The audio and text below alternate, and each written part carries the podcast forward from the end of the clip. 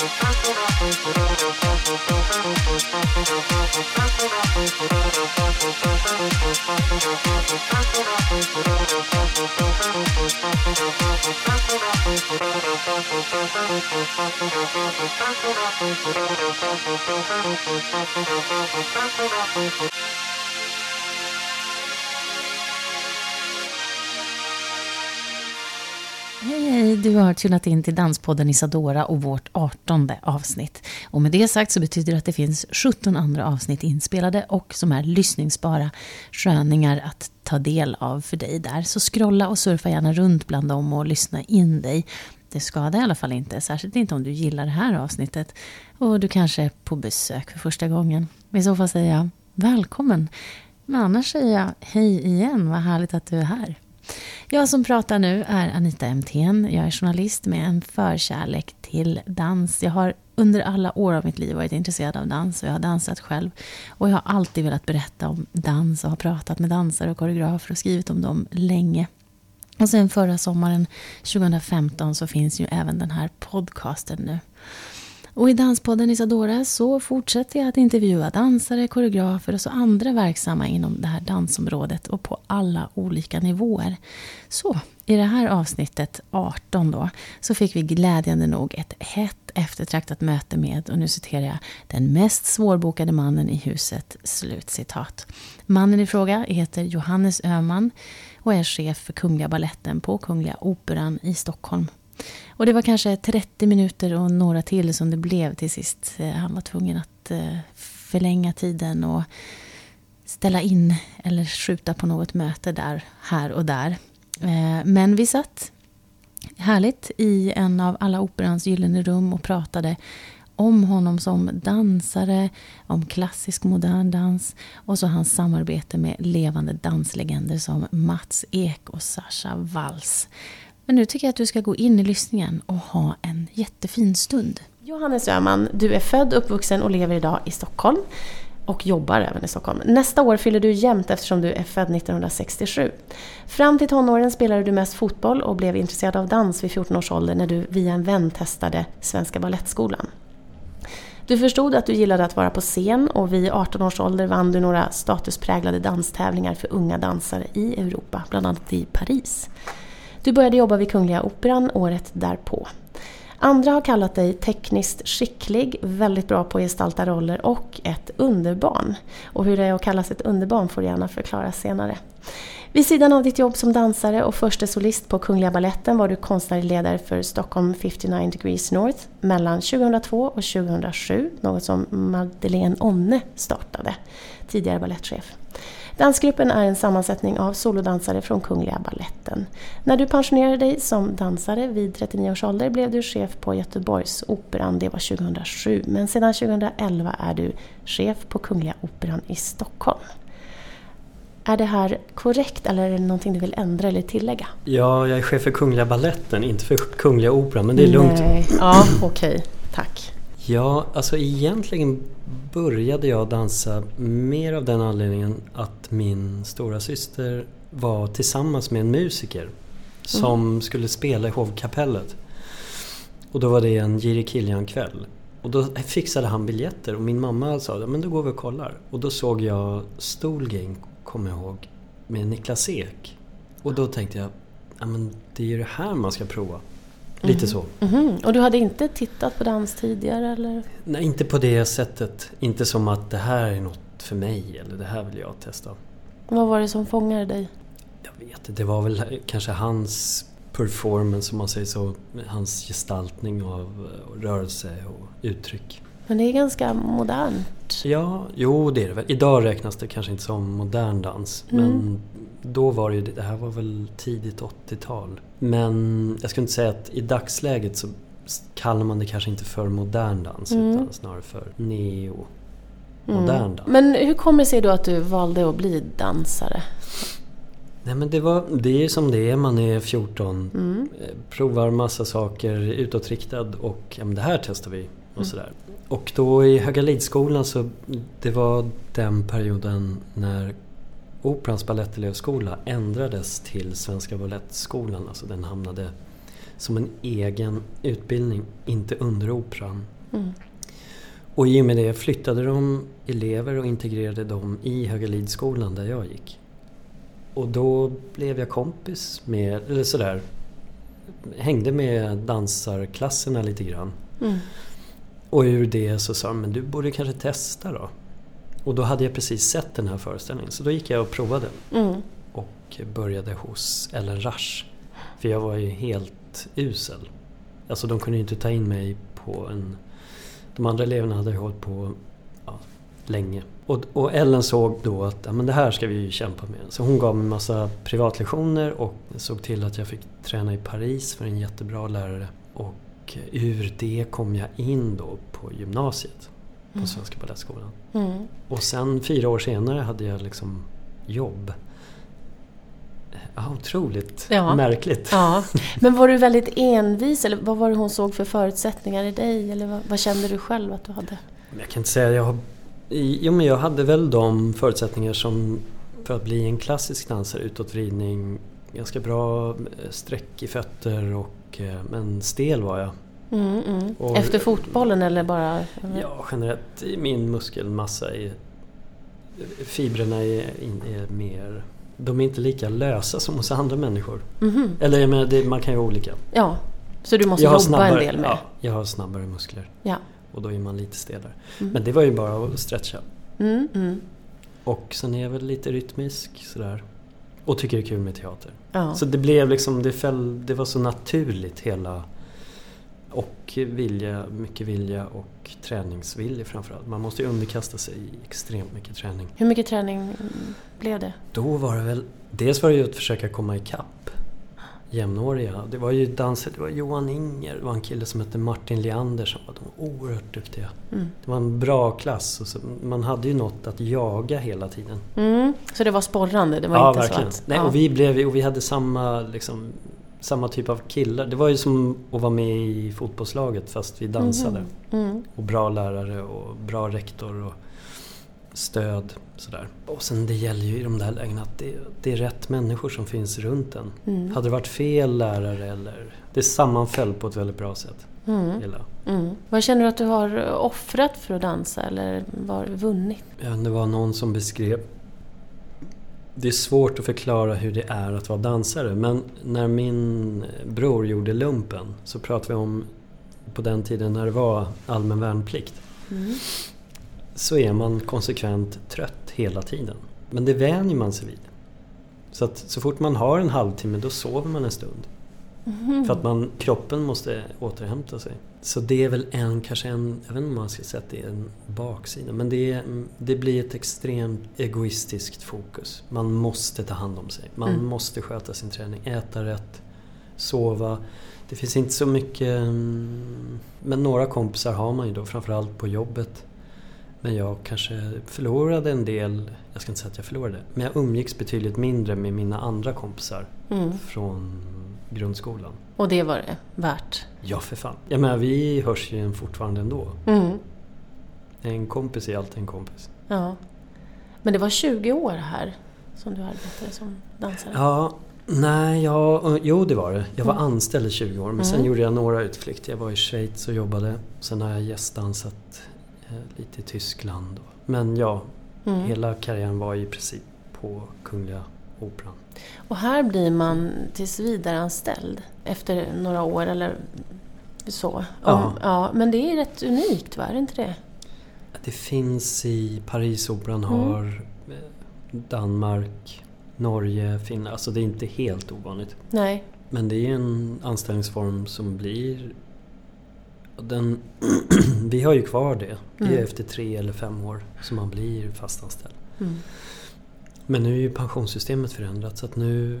Jag, jag har aldrig sett några problem, snarare fördelar Mm. med att ha en fastanställning. För jag tycker ändå att man ska kunna ha ett liv vid sidan om. Eller åtminstone ett okej liv. Mm. Man ska kunna föda ett barn och komma tillbaks och vara dansare. Mm. I Amerika är det ofta den dagen du blir gravid, då är, då är det färdigdansat Mm. många gånger. Mm.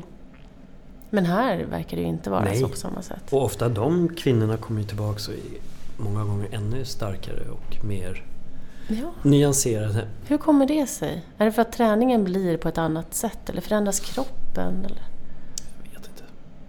Ofta tror jag att det blir ett eh, fokuset kring ens barn eller kring någonting annat än en själv. För det Mm. går inte att ha totalt egofokus Nej. och vara förälder. Utan, och det bidrar ju ofta till en, en lugnare, säga, lugnare ingång gentemot sitt jobb Mm. på något vis. När du tillträdde här som chef på Kungliga Balletten så sa du bland annat att, och nu citerar jag från en artikel som jag har läst. Min vision är framförallt att med en klassisk och en nyskapande samtida repertoar göra Kungliga Balletten till Nordens ledande ballettkompani. Vad har det inneburit för dig nu när du blickar tillbaka? Det var många som lyfte på ögonbrynen och sa men det där kommer ju aldrig, det kommer ju aldrig gå. Hur ska man kunna vara... Det kanske är smartare att säga vad var det som gjorde att jag ville ta jobbet? Mm. För det var inte helt självklart. Mm. Ehm, Jag hade just kommit ut mitt chefskap. Jag hade slutat i Göteborg och hade tänkt vila mera faktiskt. Eller eh, jag hade inte haft någon paus egentligen. Mm.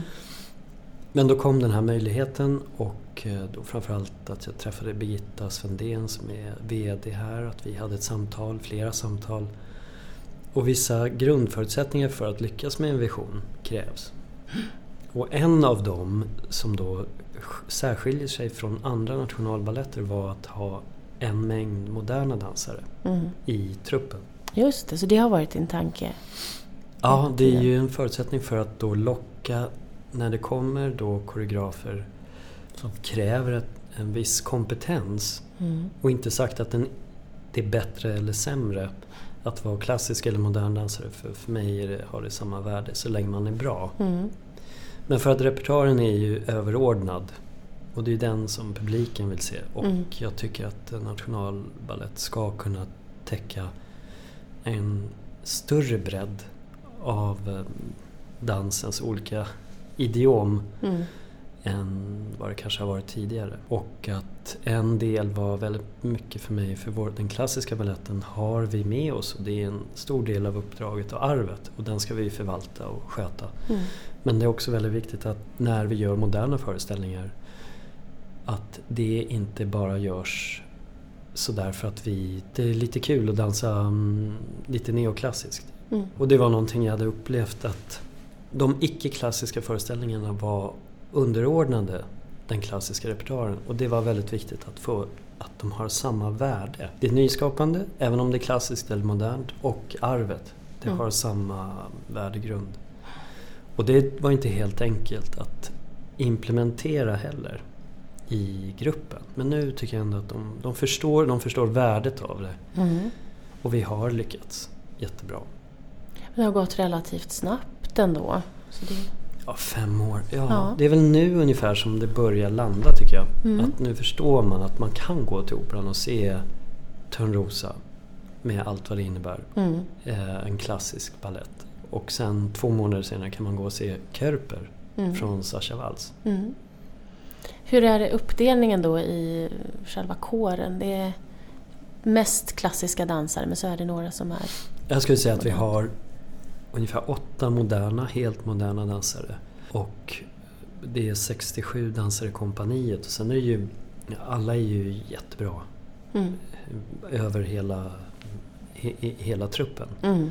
Och en del är mer klassiskt inriktade, mer spets där. Det finns många neoklassiska dansare. Mm. Vi har moderna dansare. Om du skulle berätta vad det är du gör som, som chef här, hur skulle du beskriva det? Ja, först och främst så är, det ju, är man ju en ledningsgruppsmedlem. Och i det ingår ju, det är ju Operan AB. Mm. Och i det så har vi ju vårt uppdrag. Och för mig har väl uppdraget varit främst om man tittar på vår kung Gustav den tredje. Mm. Som faktiskt sa att nu måste vi kultivera vårt land. Och hämtade hem olika konstformer från framförallt Frankrike då, och har liksom grundat alla de här äh, litteraturakademin och allt, eh, operan och så vidare. Mm. Eh, Men hans grundtanke var ju att vi måste göra det senaste. Så att eh, det där senaste har ju blivit då till en tradition och den traditionen har blivit väldigt fast i sin konvention. Det vill säga att det har ofta blivit på sådana här gamla teatrar svårt att vara nyskapande fast de egentligen byggdes för att vara nyskapande och att alla resurser finns här. Mm. Så det är en del av arbetet att, att få det att landa i organisationen Mm. för min del. Och sen när det kommer till att jobba med, med dansen så är, är det framförallt att, att ha en balanserad repertoar Mm. och värva bra dansare och göra bra casting och ta hand om alla så gott det går. Mm. Så det är ett jättejobb. Man kan säga att det är två jobb. Ett ledningsgruppsjobb och ett balettchefsjobb. Ja, men har det här varit ett mål för dig? Att, att bli chef? Nej, jag trodde aldrig... Nej, det så har inte jag riktigt tänkt. Jag tänkte när, man, när jag tog över 59 eh, nog från Madeleine Onne så tänkte jag att vad det här än blir så kommer jag lära mig något. Mm. Det är ju ideellt arbete med den gruppen. Mm. Man var tvungen att, eh, eller jag var tvungen, man är inne och tassar i ekonomi, marknadsföring, i turnéer, i projektlederi, i casting, boka, du vet. Väldigt mycket sponsring. Mm. Så hur det än var så var, kände jag att det kunde vara en, eh, någon slags utbildning medan jag dansade. Mm. Och nu när du inte dansar, eller nu förutsätter jag att du inte dansar längre, men hur, hur känns det? Både och. Mm. Ibland känns det så där att inte få ta ut sig i den säga, kontrollen. Men sen känns det ganska skönt också för att det gör väldigt ont ibland Mm. i kroppen. Mm. Och det är ju, kroppen har ett bäst före datum. På Ja. den nivån i varje fall är det, det så. Det är som för idrottsmän också. Ja, ja, precis. Men det känns som att eh, det, man blir lite äldre idag ändå. Alltså i, det kan, man pensioneras kanske inte lika tidigt som, som tidigare, om man inte väljer det. Om man inte är skadad och så. Alltså att det kanske går över 40-45 år. Det ligger, just nu ligger generationen ungefär där runt 40. Mm. Jag tror i framtiden snarare tvärtom. Att det, Kommer det bli tidigare? Ja, därför att det nya pensionssystemet tillåter ju inte en tjänstepension hela arbetslivet. Mm. Utan du har egentligen ett omställningsbidrag som du har rätt att ta ut från 36. Mm. Och det är väl tre år. För att man då ska kunna utbilda sig till något annat. Ja, Vilket, vilket jag tycker är bra för då har Mm. man en... Att komma ut på arbetsmarknaden och bara kunna dansa. Mm. Eller man kan bara sin dans Mm. och vara 44 år.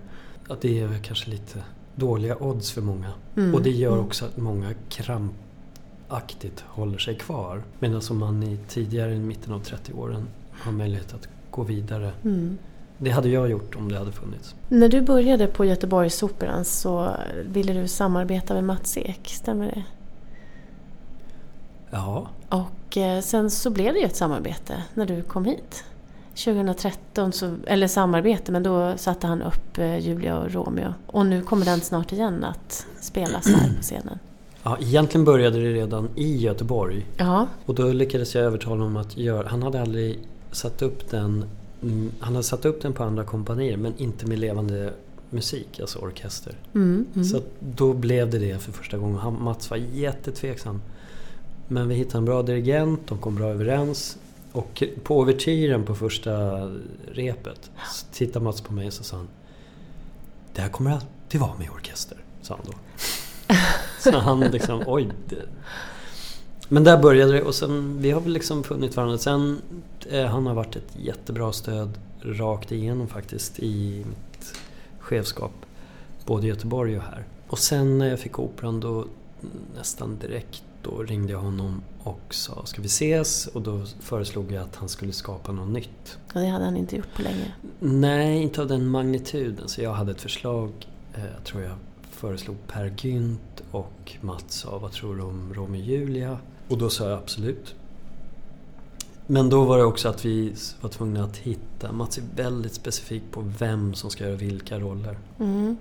Och då, började ju, då var ju det ett, ett skifte i kompaniet också så att jag hade möjlighet att anställa ganska mycket nya dansare. Mm. Och ur det då så eh, körde vi på. Mm. Och så blev det en kreation som vi säger i dansvärlden. Ett nytt verk som han skapade direkt för oss då. Mm. Och det har tagit oss... Eh, det var en riktigt bra skjuts Mm. för kompaniet. Mm. jättesuccé, världsturné och så vidare. Så Och sen har de vilat ett tag nu och så nu kommer de igen då. ja, nu har jag vilat en, en, en och en halv säsong tror jag, Just det. ungefär. Mm. Är intresset Mm. lika stort som, som det var då? Jag minns hur det var.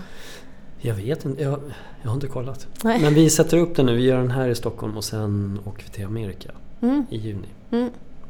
Han är het fortfarande, alltså Mats Ek. Det känns som att det aldrig... Även om han nu är på väg att sluta. Mm. Eller kanske till och med har det. Nej, jag tror inte han kommer sluta. Jag tror inte han vill ha, ta fler engagemang. Mm. Och sen, han vill nog vakna upp och känna att det är ingenting exakt den dagen, den tidpunkten om två och ett halvt år. Jag tror att han, min uppfattning är att han vill möta sig själv i att inte ha ett packat schema Mm. med o, liksom, tre år framåt. Mm. Det är bättre att fråga honom. Ja, om jag skulle få tag på honom så. Du har eh, aldrig koreograferat själv, stämmer det? Mm. Hur kommer det sig? Jag känner, jag, har, jag tycker om att se bra koreografi. Mm. Nej men det är bara för att man är musiker behöver man inte vara kompositör. Nej. Man kan vara en bra musiker och en usel kompositör. Mm. Och Men- det där känner man ju, jag har liksom funderat så här, men däremot är jag ganska bra på liksom dissekera med, alltså om koreografer undrar, eller så är jag en bra tyckare. Så Mm. jag säga, en konstruktiv Mm. tyckare. Nej, ja, man känner om man är bra på något eller inte. Mm. Och Du har inte testat heller, eller? Du har inte dragits till det? Nej, jag, jag har testat tanken Mm. och eh, den tanken var inget bra. Nej, Liksom. i tanken, men du höll det Mm. där också. Du gick från att dansa då, här på Kungliga Operan, och så, det var under 20 år ungefär, fast du hade andra Mm. spel också ute i land, eller i världen. Och sen så blev du chef på Göteborgsoperan och sen kom du tillbaka då och blev chef över dina forna kollegor va? Alltså du hade dansat med dem Ja. tidigare och kanske fortfarande, det kanske fortfarande är några kvar som Mm, du har dansat är med. Hur var det? Ja, det var faktiskt ett oros... Eller oros... Det var något som jag funderade väldigt mycket på. Och sen bestämde jag mig för att dra en linje för vilka som var kollegor och gamla klasskamrater. Mm.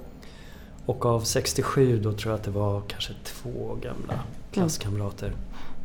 Sen känner man ju de andra som dansarkollegor.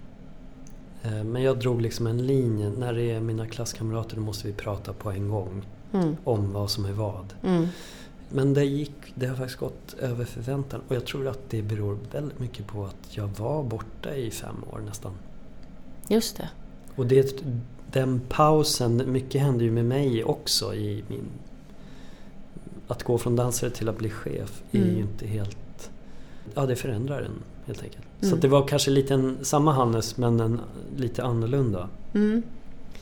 Och i Göteborg hade jag turen att ha en bra chef, Peter Hansson, som direkt då såg den här 38-39-åringen och skickade mig på Ja, det här kommer säkert funka, men du måste ta den här kursen, den här konflikthanteringskursen, Mm. den här UGL-kursen. Mm. Så mycket blev... Han såg nog till att jag inte trampade fel eller tack vare dem, den utbildningen, så att Mm. säga.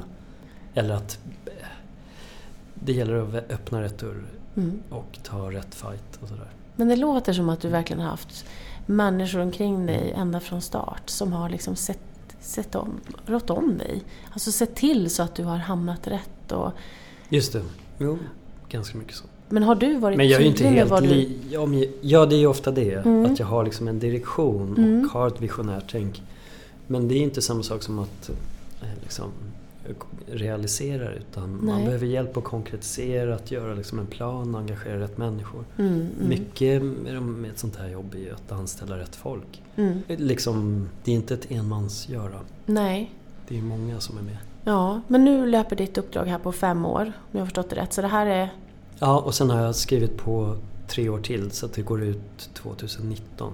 Ja, okej, just det. Men då tänkte jag att vi skulle prata om det här supersamarbetet med eh, Berlinbaserade koreografen Sasha Walls som har gjort det här verket Körper. Som är väl ett modernt verk. Det är väldigt modernt. Ja.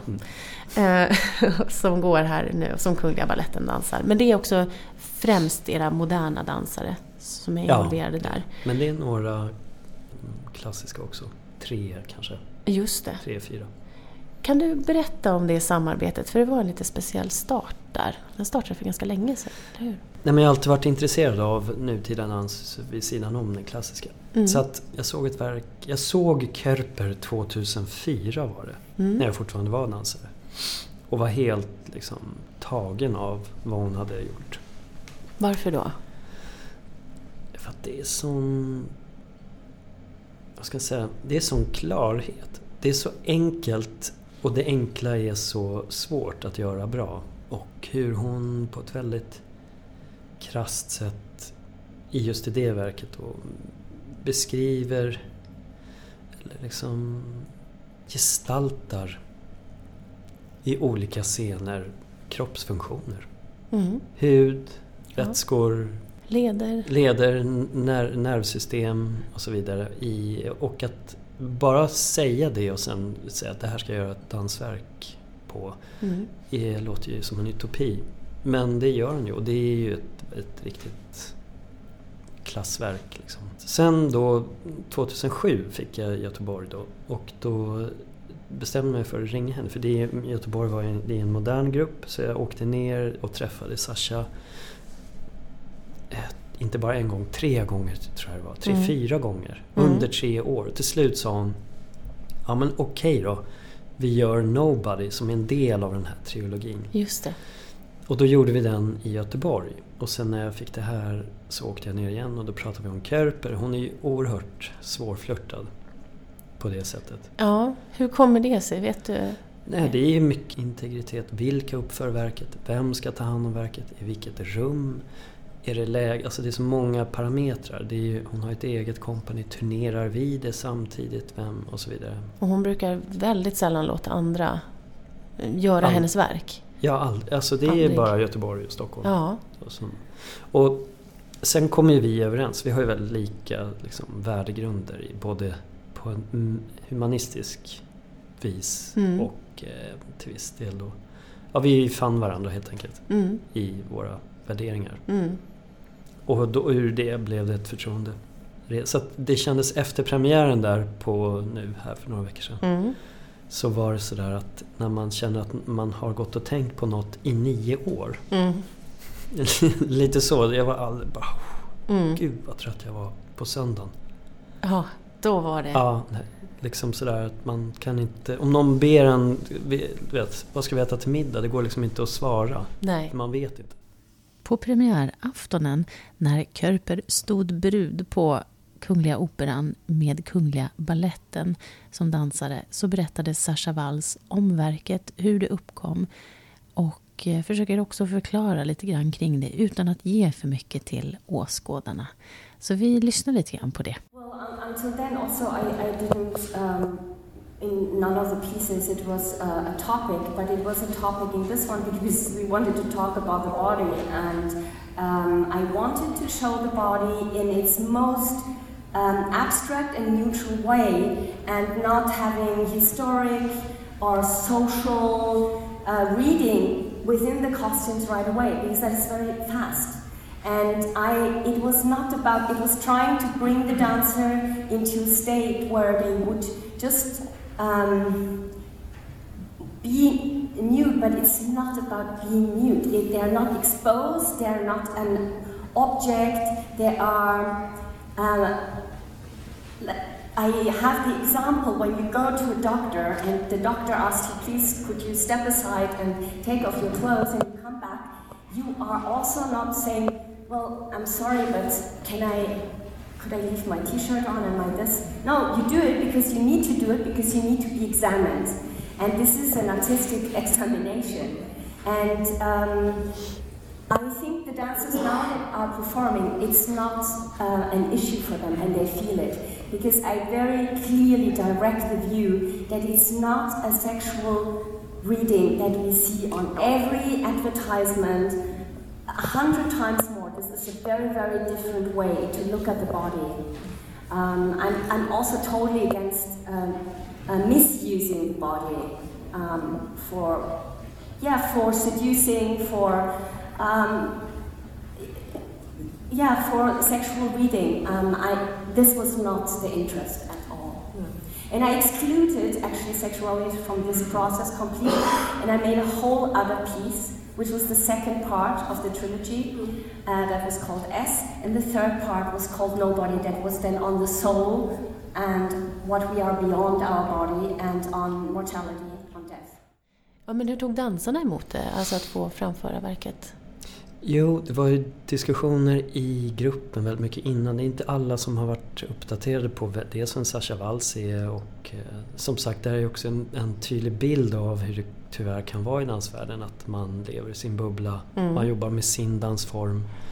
Men när jag lyfte upp det att vi skulle göra det här så var ju det första är ju egentligen att det är mycket hud och en del naket. Mm. Så det var en lång diskussion i kompaniet. Eftersom den inte har någon som helst sexuell anspelning i det här verket mm. så var det saker som jag uttryckte. Men sen är det ju dansarnas integritet. Jag har själv varit naken på scenen och det kräver ett andetag innan liksom. Så länge man vet varför mm. så är, det, ofta är man ju bara ett instrument i det. Mm. mm. Men ingen behövde vara med som inte vill vara med. Som inte vill, nej. nej. Kommer ni att framföra någon, någon annan del av de här tre verken alltså, som ingår i trilogin? Det får vi se då. Ja. Hur har det här mottagits av publiken? Jättebra. Mm. Jag brukar få sådär när vi gör moderna verk från e-mail och kanske arga åsikter och sånt där. Eller ifrågasättande och sådär. Men inte ett enda mail kring Kerper. Och det trodde jag aldrig. Nej, det låter människor, ovanligt. Ja, och människor som jag inte trodde skulle alls gilla det, de har gillat det. Så det är, det är den... Men det är nog formen som hon jobbar i tror jag också. Ja, och eftersom det här är det verket som man också fortsätter att turnera med år efter mm. år så måste men det är en klassiker. Det är märkligt att den har varit i alla huvudstäder i princip. Alla. Det ja. finns väldigt många huvudstäder. Men i väldigt stora huvudstäder ja. runt om i världen. Men aldrig i Norden. Nej. Har inte uppförts. Nej. Men är det för att den är så allmänmänsklig? Jag tror att den berör på ett annat sätt än mycket, annan koreografi. Den står liksom för sig själv. Mm. Det är inte så här, om det där är typiskt Kerper. Nej. Det är svårt att hitta sådana andra verk. Vad skulle du säga om du vill uppmana folk att gå och se den nu? För man har ju några möjligheter mm. kvar. Sitt på parketten. det är de bästa platserna. Mm. Nej men öppet sinne. Och eh, att man inte... Det är ju, inga, det är ingen final eller, eller en ouvertyr. Eller, utan det är rakt igenom sammansatt bara. Mm.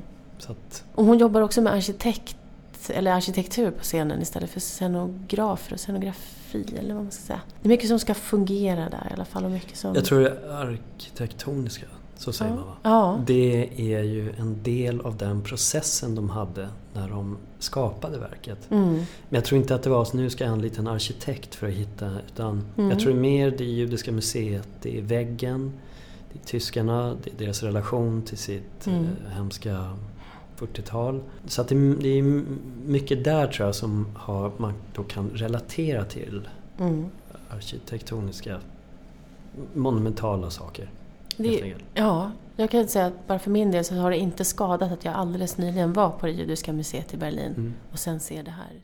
I did uh, actually two preparation projects. I called them dialogues. One was in our former theater, um, and one was in um, the Museum of Dahlem Liebeskind. At that moment, empty, no exponents yet. For one year, only the building, only the architecture was to be visited, and we had the chance to do um, a performance through the whole building, guiding the public through the different spaces. And so the, the theme of the Holocaust, of the history between Germans and Jews, uh, was um, sort of at the essence of that uh, performance, and it was a, uh, it, it was facing us very strongly because the architecture is also incredibly powerful um, and it um, commemorates actually um, the, the spaces where people that have been deported where they have lived before and through that he developed the architecture and certain lines um, that he drew to create this uh, specific um, space. So we were actually on that trace And um, he created the idea of a void. So what was what we all have lost in Europe or in the world with the death of so many uh, Jewish people. So it's an empty, it was an empty space, a void. And also that idea took, some, took us somehow into, um, we, we took that into a physical uh, response. Um, so all this issue also you can see in this piece more in the second half of the um, of the piece, but also the image that you will see during the performance, which is like a, uh, a glass frame, had to do with the museum because there were vitrines where there would be exponents to be seen later. And for us, it was the exponents were the people, the bodies. And so that was also one element that got developed through that preparation. Men nu då, vad händer? Nu kommer du vara kvar på, på, som chef här på Operan, eller på balletten. Mm. Jag hade tänkt att fråga vad du siktar mot härnäst, men eh, det kan ju vara utmaningar du har här, eller roliga saker som du ser fram emot. Är det någonting du kan ge oss? Ja, alltså du menar i repertoar? I repertoar, ja. Nej, men jag tycker att nu vi är på liksom en bra linje. Mm. Och det är den här balansen att kunna erbjuda publiken olika världar koreografiskt. Mm. Och olika koncept. Och det är inte, det, jag kommer säkert göra någon, komma på någonting riktigt dåligt men det måste man ju våga för att sådär. Mm. Men jag tycker att det ser jättespännande ut. Det kommer in en jättefin koreograf nästa år. Ja. När ska det här sändas? Mm, om en vecka. Ja, då får jag inte säga. Nej, okej. Okay. Men några sådana spännande och helaftonsverk och ja, okay. det är bra så. Men vem, eller har du någon eh, något, någonting speciellt som du känner att du vill, vill göra som du inte har gjort ännu? Ja. Vartåt lutar det? Är det... Nej, men jag har alltid haft en, en någon sån där mm, Verdi Requiem är en sån som jag skulle vilja se. Mm. Om man sammanför de här, det är ju nästan en opera. Mm. Men att man, den har så mycket. Det enda är väl att det blir väldigt sakralt. Men men det är ju grymt bra musik. Lyssnar du mycket på musik? Vad är det för någonting i din lista? Jag har barn så att de har ju gjort eh, försöker lyssna på vad de lyssnar på mm. bara för att se vart det liksom... Mm. Min dotter ska fylla 15. Mm. Och det är väl, man kan läsa ganska snabbt hur känslolivet går om ja. man lyssnar på hennes Spotify-lista. Eh, men jag lyssnar nog mest på klassiskt. Mm. Mm. Faktiskt. Ja. Och en del jazz, skulle jag säga. Mm. Okej. Okay. 80-tals fusion, funk och sånt där tycker jag är kul. Ja, mm. och vi kanske får se lite grann av det i din lista som du kommer att ja, dela ja, med oss. Kanske. Ja, mm. vad härligt. Tack så jättemycket för din tid. Tack. Tack. Så har du gjort det. Hurra! Du har lyssnat igenom detta poddavsnitt 18 av Danspodden Isadora. Vi som skapar det här underverket heter Niklas Reimertz och så jag, Anita MTN. Vill du ge oss feedback eller tips eller vill du bara kontakta oss och snacka skit så mejla oss först och främst på isadorapoddatgmail.com. Men där ljög jag, för du kan absolut såklart i första hand också gå via Facebook, Twitter eller Insta där vi heter Isadorapodden med ett D på Instagram alltså. Lyssna på andra avsnitt nu tycker jag. Verkligen gå tillbaka i den här lilla katalogen som vi har. Och eller prenumerera på oss på iTunes och Acast. Du kan också lyssna på oss direkt via Soundcloud. Det funkar alltid. Och tills vi hörs igen så tycker jag att du ska unna dig något gott, börja något nytt och avsluta något dåligt. Och det är två veckor med start idag. Det fixar du. Vi hörs!